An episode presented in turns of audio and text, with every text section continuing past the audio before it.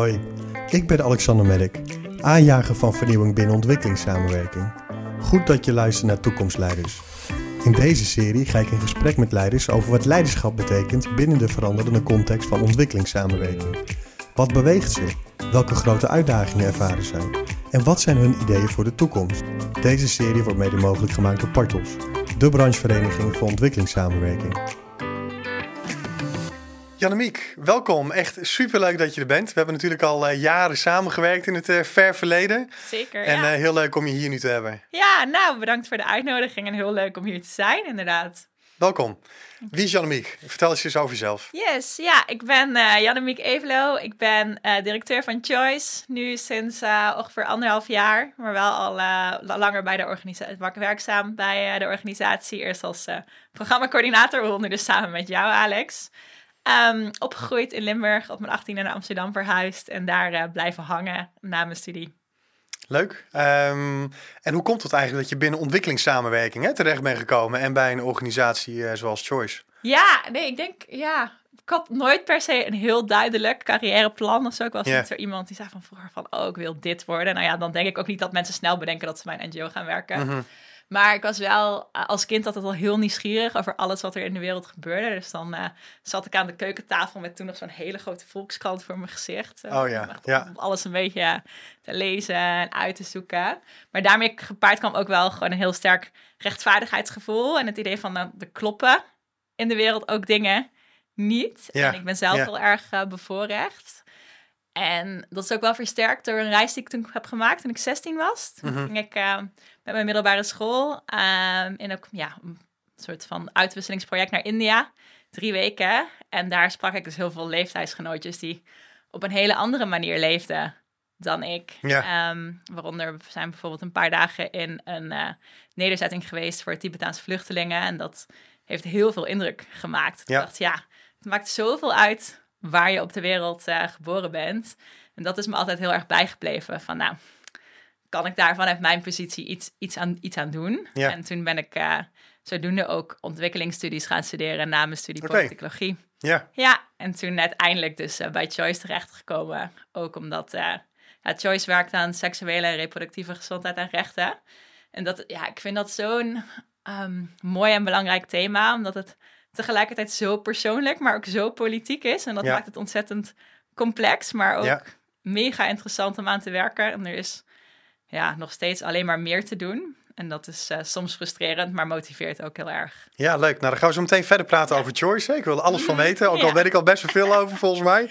Maar in ieder geval, eh, daar gaan we het zo meteen over hebben. Even eh, inzoomend op jou. Ja, Ehm, wat zijn een aantal drijfveren, persoonlijke drijfveren geweest voor jou om, om uiteindelijk ook ehm, eh, bij Choice terecht te komen? Ehm, Maar tegelijkertijd ook wellicht te koppelen aan personen of gebeurtenissen ehm, eh, die je hebt meegemaakt of die je hebt leren kennen. Ja, ehm, ja, ik denk bij Choice inderdaad vanuit die interesse heel erg, vanuit de thema's. Tijdens mijn studie ook al veel mee gedaan. Dus onderzoek gedaan naar een programma voor seksuele voorlichting in Oeganda.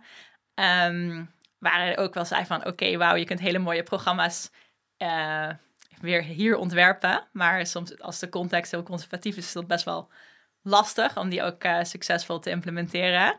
Maar daarin wel zoiets gehad van ja, er valt hier nog zoveel te doen. En voor mij is seksualiteit ook zo'n persoonlijk thema. Van Ja, weet je, als jij de, de vrijheid hebt om over je eigen lichaam te, te beslissen, dat maakt alles uit hoe je je van dag tot dag voelt.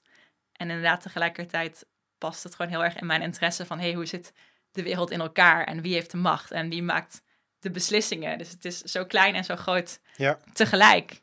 En zijn er bepaalde personen die je op dit moment misschien inspireren? Of, eh, of organisaties bijvoorbeeld, hè, waarvan je denkt van wauw, Ja. dat is echt eh, geweldig en een, een, Mm. een, een motivatie voor mij. Nou, sowieso eigenlijk Choice zelf. Oké. Eh, dat is misschien een grappig antwoord, maar Ja, Choice is voor mij gewoon een club met allemaal jonge mensen bij elkaar die zoiets hebben van Ja. we moeten het samen doen. oké, gaaf. En daar gaat een enorme motivatie van uit. Ehm, juist omdat het idee van, weet je, we hebben het nog nooit gedaan, maar laten we het gewoon proberen. En samen uitzoeken en we komen er wel. En ook wel voorgaande choice-directeuren. Ik eh, heb natuurlijk ook, omdat ik al langer bij de organisatie werk, zien van, hey, hoe doen zij bepaalde dingen? Maar ook het idee van, weet je, je kunt gewoon prima als vrouw, jonge vrouw van 7, 8, 29 directeur zijn van een organisatie en de boel runnen. Ja, Uh, maar ook juist zeker heel erg uh, partners die ik de afgelopen jaren heb gesproken. Zeker in mijn werk als programmacoördinator. En dan ook vooral om de moed die het werk soms ver- vergt. Ja. Uh, want inderdaad, seksualiteit en seksuele rechten, het is gewoon een heel complex... sensitieve thema's. Ja, het zijn sensitieve thema's. En um, ja, soms ook inderdaad gevaarlijk om aan te werken of niet makkelijk. Kan me bijvoorbeeld een uh, voorbeeld herinneren van uh, een jongen in Indonesië waar ik heel veel mee werkte. Um, hij leidde het kindhuwelijkenprogramma dat we samen met een partner deden. En was op een gegeven moment in het nieuws, omdat er een wetswijziging was over kindhuwelijken. Uh, de minimumleeftijd voor meisjes was verhoogd en er was een persconferentie. En nou, denk je, superleuk, heel goed. Maar omdat dat dus door uh, conservatieve activisten ja. ook aan LHBTI-rechten werd gekoppeld, mm. is hij enorm persoonlijk aangevallen op zijn sociale media en kreeg hij allemaal lelijke berichten op Instagram en heeft hij echt zijn accounts moeten afsluiten voor, uh, voor een tijd. Maar dat doet dan niks af Wow. van de motivatie om dit werk wel te blijven doen. Van oké, maar dit is zo belangrijk en ik blijf hiervoor strijden. En ja, dat, dat soort dingen inspireren mij enorm om dat ook te doen. Ik zie het ook aan jou. Je begint eh, te stralen en ik voel de energie Mhm. stromen. Dus eh, Choice, zeg je, inspireert je. De mensen die hebben gewerkt bij Choice, Ja. die werken bij Choice. Maar ook de internationale partners hè, met wie jullie samenwerken. zeker. Mhm. En eh, eigenlijk moed is heel belangrijk, wat ik hoor terugkomen. Ehm, laten we de koppeling maken met Choice. En je zegt Choice is een moedige organisatie. En moed staat centraal eigenlijk binnen ons werk. Hè? Kan je iets meer vertellen over Choice? Wie is Choice? Wat is Choice? En hoe krijgt moed vorm binnen de organisatie? Ja, zeker. Ehm, ik denk, eh, Joyce, ja, ik heb wel een beetje verteld. We werken dus aan wat we in jargon SRGR noemen, dus seksuele reproductieve gezondheid en rechten, voor en door jongeren. En dat laatste is wat Choice uniek maakt. Ja, Dus we zijn allemaal jongeren van maximaal 30 jaar. oké. Ook omdat In, in, in Nederland. In Iedereen Nederland. op kantoor is Ja. onder de 30. Ja. Oké. Ehm, dus Ook het bestuur? Ja. Oké. Ehm, alleen onze raad van advies niet. Dus maar verder wel. En dat, dat maakt Choice denk ik al, Ja, al uniek, heel uniek, en heel zeker. dynamisch als organisatie. Ehm, en een stukje moed zit er denk ik inderdaad in dat we dat überhaupt doen en durven met z'n allen. En dat we inderdaad, eh, voor, me- voor de meeste mensen is Choice ook een eerste baan. Ja. Dus je, je leert gewoon zoveel. Zeg maar, je leert mensen met een hele steile leercurve die allemaal dingen doen die ze voor het eerst doen en daarmee Ja. experimenteren. Maar ik denk wel dat we ook wel moedig zijn in Choice in dat we kritisch naar onszelf durven kijken. Oké. Eh, van hey, ja, wij zijn inderdaad een organisatie in Amsterdam. Eh, we werken in landen overal op de wereld. En wat betekent dat? En wat is onze Ja. rol? En we durven dan onszelf ook wel kritische vragen in te stellen. Van Ja. hey, wat moeten wij wel doen en wat moeten we misschien ook niet doen? En wat is onze plek en wanneer moeten we pla- plaats maken voor anderen? Ja. Daar hebben we heel veel gesprekken over. Ja, daar komen we zo meteen op. Mhm. Ehm, want daar ben ik heel erg benieuwd naar. Naar welke gesprekken jullie dan voeren met elkaar. En hoe dan de nieuwe Mhm. Ja. rollen er potentieel uit kunnen zien. Hè? Mhm. Maar eerst over het type, eh, de kader jongerenorganisatie. Hoe is het om een jongerenorganisatie te zijn in een eh, wereld die toch wel gedomineerd wordt door, eh, door ouderen, om het zo maar te zeggen? Ja. Ja, nou in eerste instantie gewoon heel erg leuk. Oké, ja. gewoon onwijs goede sfeer op kantoor. Het Ja. is leuk met elkaar. Ja. Ja. ja, je levelt heel goed met elkaar en dat is, dat is super fijn. Het is soms ook wel een beetje... Het kan ook intimiderend zijn. Dat je dus, ehm, nou, dat je dus vaak met mensen te maken hebt die een bak meer ervaring meenemen dan dat je zelf hebt. En dan in meetings zit met andere organisaties uit Nederland of Is dat elders. belangrijk, een bak aan ervaring? Of? Nee, maar het voelt soms wel Oké, het zo. voelt, ja, ja. Dat je dan toch denkt van, oh jee, deze persoon weet dat allemaal heel goed. Mm, En nou ja, inmiddels heb ik wel het gevoel van, nou, maakt allemaal niet zoveel uit. Nee, en ja. dat probeer ik ook altijd tegen onze Mooi. medewerkers te zeggen. Maar Ja. van, hé, hey, en je weet veel meer dan je denkt. ja, En kritische vragen zijn ook heel veel waard. Dus juist zelfs als je iets niet weet, kan dat ook heel waardevol vol zijn. Ehm, ja, dus, dus, dus zo is het om een jonge organisatie te zijn. Ja. En inderdaad, het maakt je organisatie dynamisch, denk ik. Hoe? Um, want je krijgt ook altijd veel jonge nieuwe mensen binnen. We zijn niet zo'n grote organisatie, dus we hebben ook Het is ook wel een hele- turnover eigenlijk, bedoel Precies, je dan? ja. maar ook nieuwe mensen nemen ook weer nieuwe perspectieven ja. mee. Een frisse blik op, hey, waarom doen we eigenlijk dingen zo Mm. zoals we het doen? Kan dat niet anders? Het houdt je continu scherp eigenlijk door die Ja. nieuwe perspectieven en, eh, en blikken en expertises die je inbrengt. Ja, precies. Ja. Leuk. Mhm. En ehm, je had het net over veranderende rollen. Hè? Ja. Jullie zijn een jongere organisatie. Mhm. Ehm, en nou, wellicht toch een eerst even een vraag. Zie je eigenlijk, er wordt heel lang gesproken over betekenisvolle jongerenparticipatie. En we moeten meer met jongeren, voor jongeren, door jongeren Mhm. werken. Hè? Eh, zie je nou eigenlijk wel een ontwikkeling daarin? Eh, werken mensen, organisaties, ook binnen eh, de Nederlandse ontwikkelingssamenwerking, meer op een betekenisvolle manier met jongeren samen? Ja en nee is het korte antwoord, denk ik. Ik denk ja, er is zeker in de sector het bewustzijn is enorm gegroeid. Ik durf ook wel te beweren dat Joyce daar wel een flinke bijdrage aan heeft geleverd. Maar ik denk ook omdat jongeren de afgelopen jaren gewoon heel zichtbaar zijn geweest. In niet alleen het politieke debat, maar ook letterlijk de straat op zijn gegaan. Klimaatmarsen en, eh, Klimaatmars, Black Lives Matter, dat Ja. soort ja. thema's. En dat heeft echt wel een zaadje geplant. Mm, Eh, wat je wel nog steeds merkt, is dat organisaties dan denken: ja, we willen jongeren betrekken, we houden wel een focusgroep. Zo. Mm, dat, mm. dat er toch ook wel vraagtekens kunnen gesteld worden van: ja, wat is dan echt mhm. betekenisvol? En dat eh, ja, jongeren echt een centrale rol in de organisatie geven, soms nog moeilijk Mhm. is. Ehm, dus dat is ook wat, iets wat wij als Choice actief proberen te doen. Andere organisaties zeggen van, nou ja, we willen best meedenken hoe je dit kunt organiseren. Want dat, dat is denk ik wel erg verbeterd. Het draagvlak voor Ja. betekenisvolle jongerenparticipatie. Ja, precies. Oké. ja. En ehm, heb je een voorbeeld van een organisatie die echt een verandering heeft doorgemaakt van niet eh, gefocust op jongeren of niet betekenisvol eh, het participeren van jongeren en dan toch even die omslag heeft gemaakt en waarbij dan jongeren in de organisatie eh, meer aanwezig zijn of in de besturen of ja, anderszins? nee, zeker. Ik denk juist ook binnen de SNGR-sector dat best wel veel organisaties daar wel iets aan hebben gedaan. Ja, Dat je bijvoorbeeld ziet dat organisaties een jong lid in de raad van toezicht hebben. Ik Oké. weet dat Rutgers dat heeft, maar bijvoorbeeld ShareNet ook. Dus Mhm. dat daar wel echt actief naar wordt gezocht. Ja. Wat heel goed is, denk ik, Ja. omdat zeker SGR natuurlijk echt over jongeren gaat. Dus Ja. je hebt dat perspectief ook heel erg nodig. ja, ja. Oké, nou mooie voorbeelden. Mhm. Ehm, de rollen. Daar zouden we nog op terugkomen. Ja. De, de veranderende rollen. Mhm. Ehm, je had het erover dat jullie daar veel gesprekken over hebben intern. Kan je er iets meer over vertellen hoe dat gaat en eh, wat nou die veranderende rollen dan zijn voor Choice bijvoorbeeld? Ja, nee, zeker. Ehm, ik denk dat er binnen ons kantoor heel veel bewustzijn is van... hey, waar komt ontwikkelingssamenwerking eigenlijk vandaan? En ook het, het neocoloniale aspect ervan. En hey, wie, wie zijn wij ten opzichte van, van onze partners? En hoe doen we dingen met, met hoe, elkaar? hoe- waar komt die bewustzijn vandaan? Want ik merk ook dat er juist te weinig bewustzijn over is. Mensen werken binnen ontwikkelingssamenwerking, zijn heel gepassioneerd. Hè? Maar tegelijkertijd die historische context van waarom doen we dit überhaupt en waar komt het dan vandaan? Dat ontbreekt toch wel vaak. Hoe is dat bij jullie zo gekomen? Ik denk deels gewoon omdat we jongere mensen op kantoor hebben. Dus dat ook mensen, dat dit, dit, dit soort dingen nu... Ik merk bijvoorbeeld mensen... Ik ben vijf, zes jaar geleden afgestudeerd. En mensen die nu ontwikkelingsstudies hebben gestudeerd... die hebben daar al veel meer over geleerd dan dat Hmm. ik bijvoorbeeld Mhm, had. Dus mensen nemen die bagage ook mhm. mee. Ik merk bij Choice ook dat het elkaar aansteekt. Dus dat Oké. mensen daarin geïnteresseerd raken... ook door gesprekken Mhm. onderling. Dus ik denk dat dat heel erg meespeelt. En waar de gesprekken dan over gaan is van... hey, wacht even, we hebben een nieuw programma... en er staat dat we capaciteitsversterking doen... en wij doen dat voor partners in het zuiden. Ja, Maar waarom eigenlijk? Mm. En zijn, kan dat niet ook andersom? Of, eh, weet je, tussen Ja. Ethiopië en Kenia bijvoorbeeld. ja, Maar ook... Choice doet veel internationale advocacy. Dus eh, in New York en Genève bij de Verenigde Naties. mhm.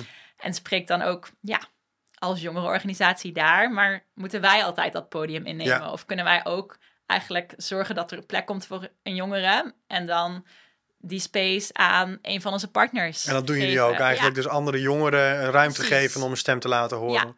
Ja. ja. Oké, en ehm, je had het net over capaciteitsversterking, programmering. Mhm.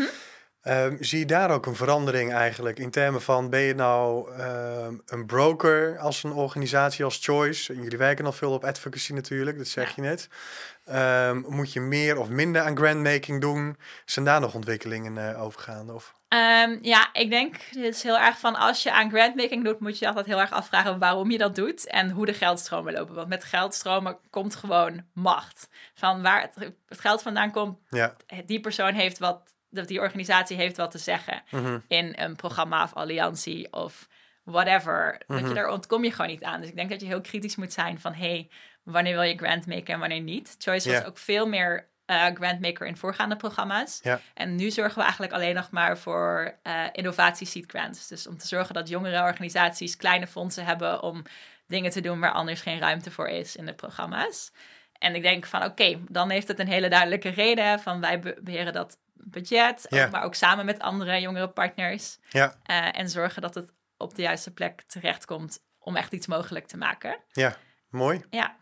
Mooi, dus uh, ook echt uh, aan het nadenken over welke veranderende rollen je eigenlijk voor jezelf ziet. En dat ook praktiseren door op een andere manier te werken met je partners. Ja. En op een andere manier eigenlijk ook de partners een, een, een, een, een podium te geven.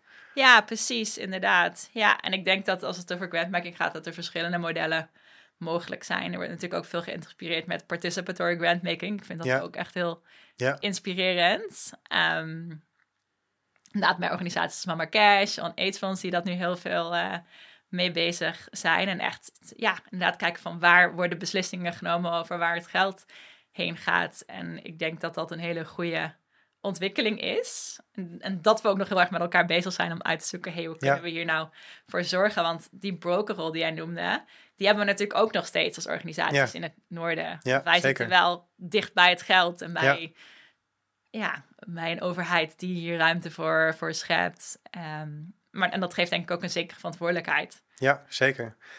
Um, leuk, dank Janemiek. Um, ergens anders uh, waar ik op terug wil komen, is eigenlijk jouw uh, pitch die je hebt gehouden bij het mm Partos Innovatie Festival. Um, heb ik met uh, heel veel plezier en aandacht naar geluisterd. Dus dank daarvoor. En uh, velen met mij hebben dat met heel veel enthousiasme ook ontvangen. Mm -hmm. ik wilde even op inzoomen. Je had het over HR-beleid hè, bij Choice. Kan je er iets meer over vertellen? Wat, wat doen jullie? Waar zijn jullie mee bezig met HR-beleid? Ja, zeker. Ja. Wij kwamen eigenlijk vorig jaar voor de taak te staan van... nou, ons HR-beleid ligt er al heel lang, is best wel gedateerd. Daar, daar moeten we toch een keer iets mee. En het hebben we het ook met elkaar gehad over van, ja, je kunt dit op verschillende manieren aanpakken. Weet je, je kunt inderdaad drie andere organisaties schrijven van, hey, mogen we dat van jullie eens zien? Uh, je kijkt naar een CAO die er ligt, je maakt wat updates. Maar we hebben gedacht van, ja, kan dat nou niet anders? En wie zijn wij eigenlijk als choice en wat willen we met ons HR-beleid? En voor mij gaat dat ook heel erg over een stukje vertrouwen. Dat heb ik ook toen in die pitch heel erg genoemd. Want inderdaad, Choice is een unieke organisatie met tien onwijs gemotiveerde jonge individuen. En als je daar nou eens van, van uitgaat van hey, mensen willen gewoon heel erg graag werken en dat willen we faciliteren. En we willen eigenlijk vooral soms zorgen dat ze zichzelf niet over de kop werken. Ehm, en als je dat als uitgangspunt neemt, um, kom, ja, kom je natuurlijk tot hele andere conclusies dan dat je meer gaat kijken van wat voor regeltjes moeten we allemaal maken hier en daar. En we hebben onze kernwaarden als uitgangspunt genomen, want die zijn echt ja, het hart van choice eigenlijk. Dus en wat, wat zijn over dat? intersectioneel feminisme, diversiteit en inclusie, betekenisvolle jongerenparticipatie, maar ook uh, we zijn een advocate for change, we staan voor verandering. En we hebben gekeken van nou, wat betekenen al die kernwaarden nu voor HR als je dat gaat vertalen? En daar zijn we met elkaar over gaan brainstormen. Um, dus dan kom je inderdaad tot de conclusie van, nou ja, als wij zeggen dat we een feministische organisatie zijn, dan uh, willen we inderdaad graag menstruatieverlof aanbieden aan onze collega's. Um, wat denk ik heel erg vanzelfsprekend is dat je dat doet. Maar ook mooi, als je oog, heel mooi. oog voor diversiteit, echt oog voor diversiteit hebt, moet je ook gaan kijken van, nou ja, hoe, hoe recruteren we? En uh, bijvoorbeeld uh, er rekening mee houden dat zeker jonge mensen misschien helemaal niet het format kennen van hoe wij graag een sollicitatiebrief zien. Hmm. Dus daar geven we nu ook aanwijzingen voor in de vacatures van, hé, hey, we willen graag dit, dit en dit terugzien als je naar ons schrijft. Oké. Dat zijn allemaal dingen die we hebben doorgevoerd. Er zijn er nog veel meer. Maar, wauw, ja. wauw. Geweldig en uh, bewonderingswaardig ook hoe jullie dat vormgeven.